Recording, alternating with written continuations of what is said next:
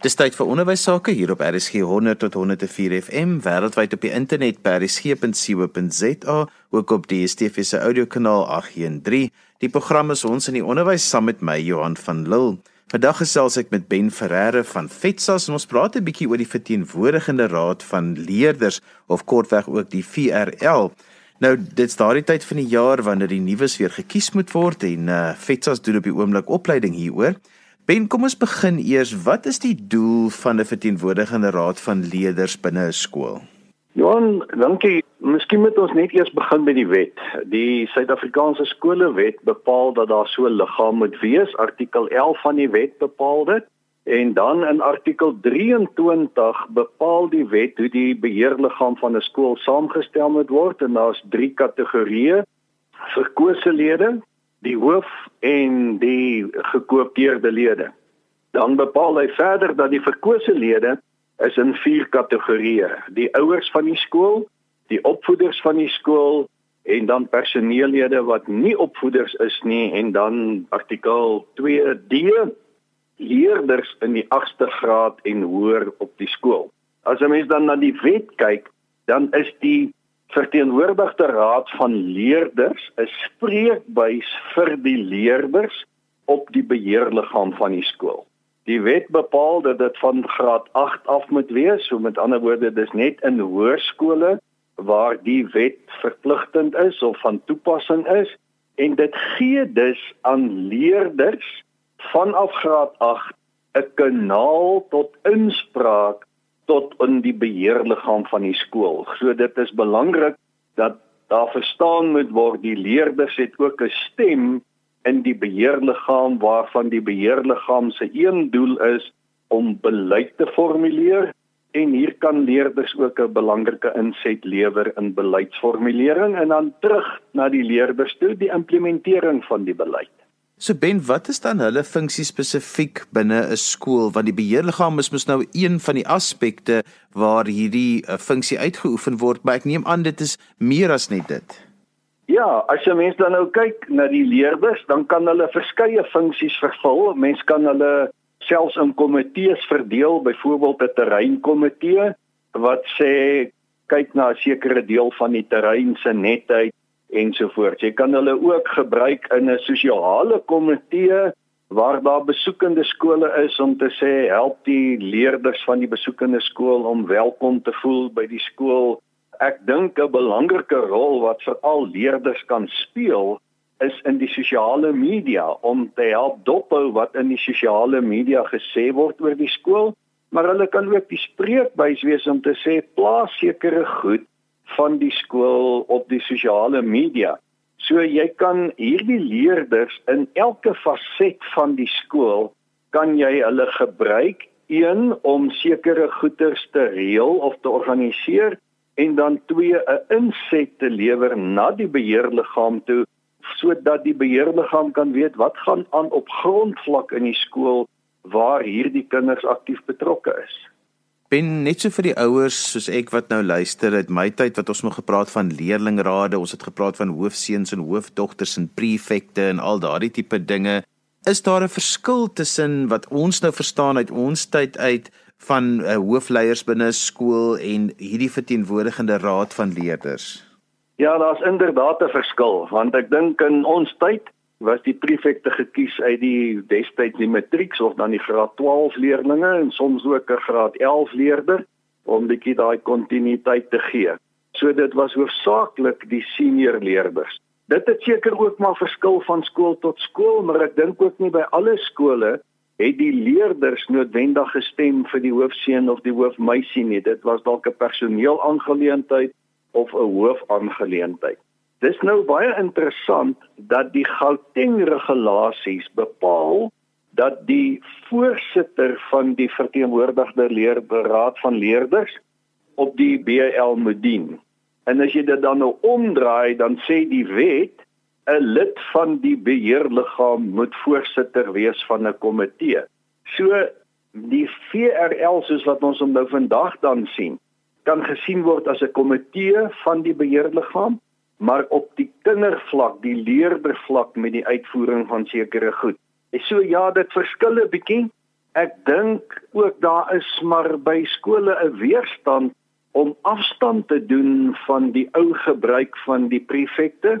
En hulle noem dit allerhande ander name om om die wet te kom, maar skole het maar nog die gebruik om 'n liggaam as ek dit dan so kan sê van senior leerders te verkies soos in die ou tyd en dan aanvullend daartoe ook nog die VRL maar ek dink die fokus op die VRL is bietjie laer dalk by sommige gevalle as wat dit is op die ou leerlingraad of prefekteraad wat daar was. Want ek dink daar's ruimte om die leerders deur die bank meer toe te rus en te begelei met hulle verantwoordelikheid as leiers en ook in die proses van demokratisering om leerders bewus te maak van hulle waarde van hulle stem om vir regte mense van kleintyd af te kan stem.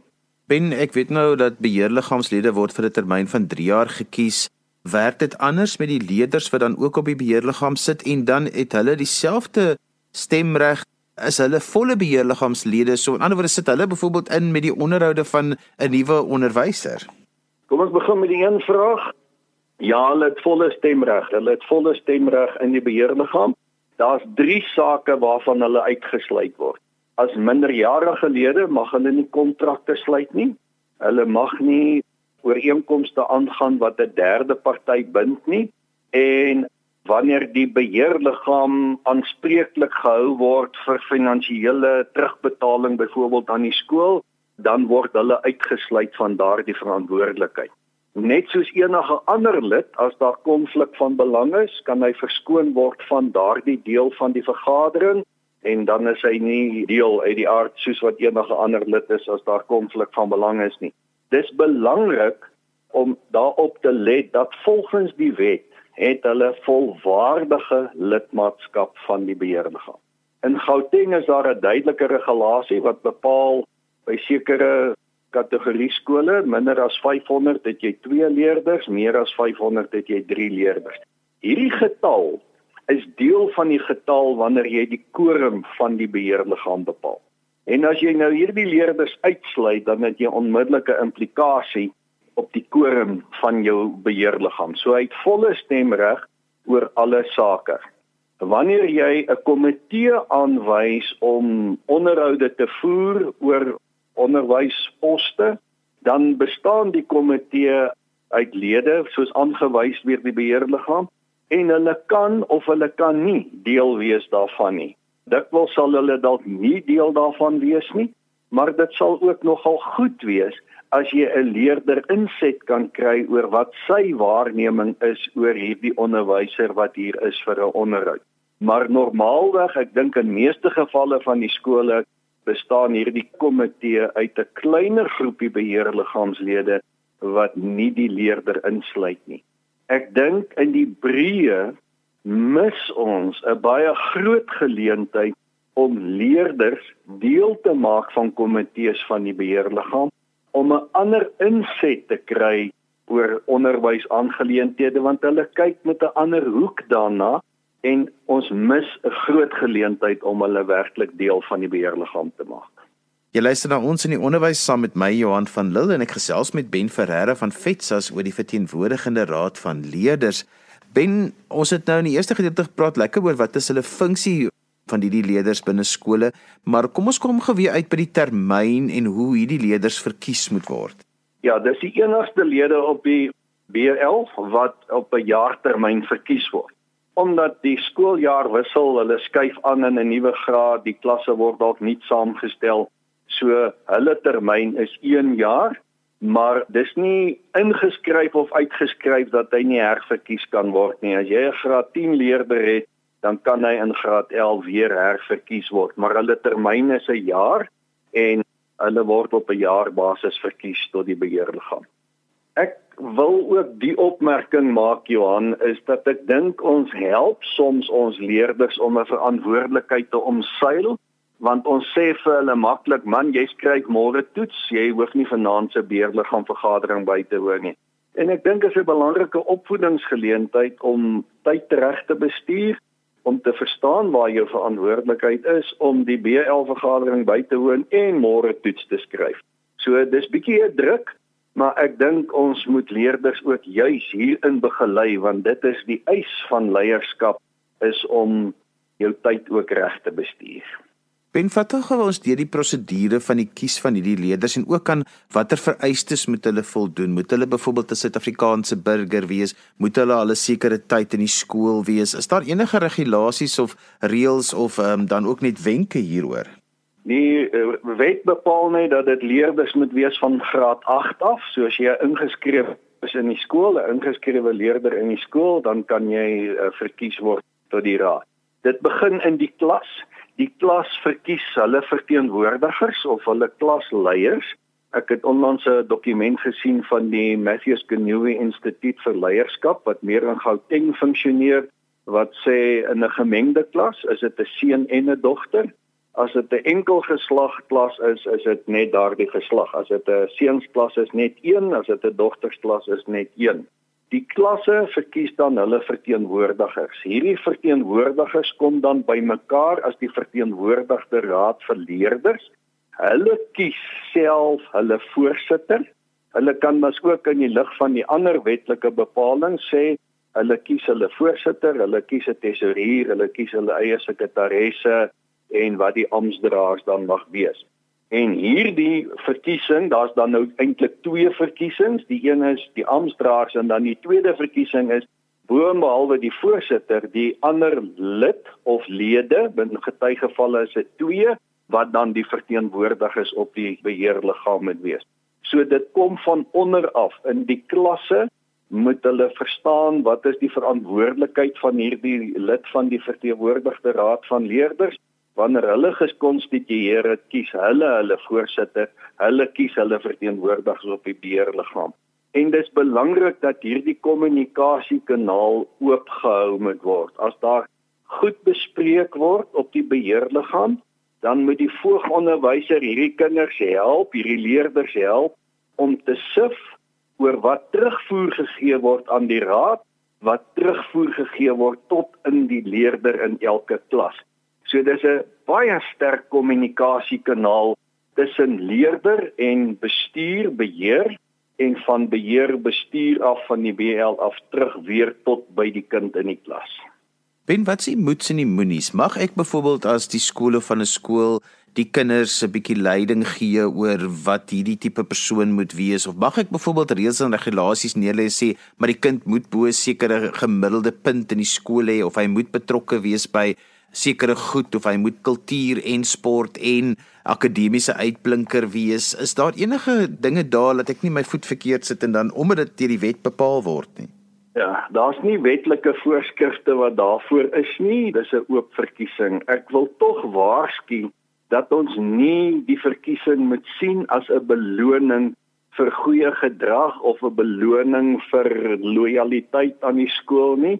Daar's dikwels baie goeie leiers, maar hy's 'n rebelletjie, juis omdat hy leierskap eienskappe het en dalk teen die establishment as ek daai woord kan gebruik in opstand kom. So ons moenie dit sien as 'n beloning omdat ek uh, aan sewe buitemuurse aktiwiteite bywoon, goeie akademiese gemiddeld het nie.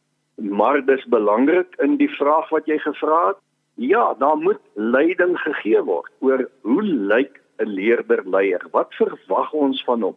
Wat is sy rol en funksie?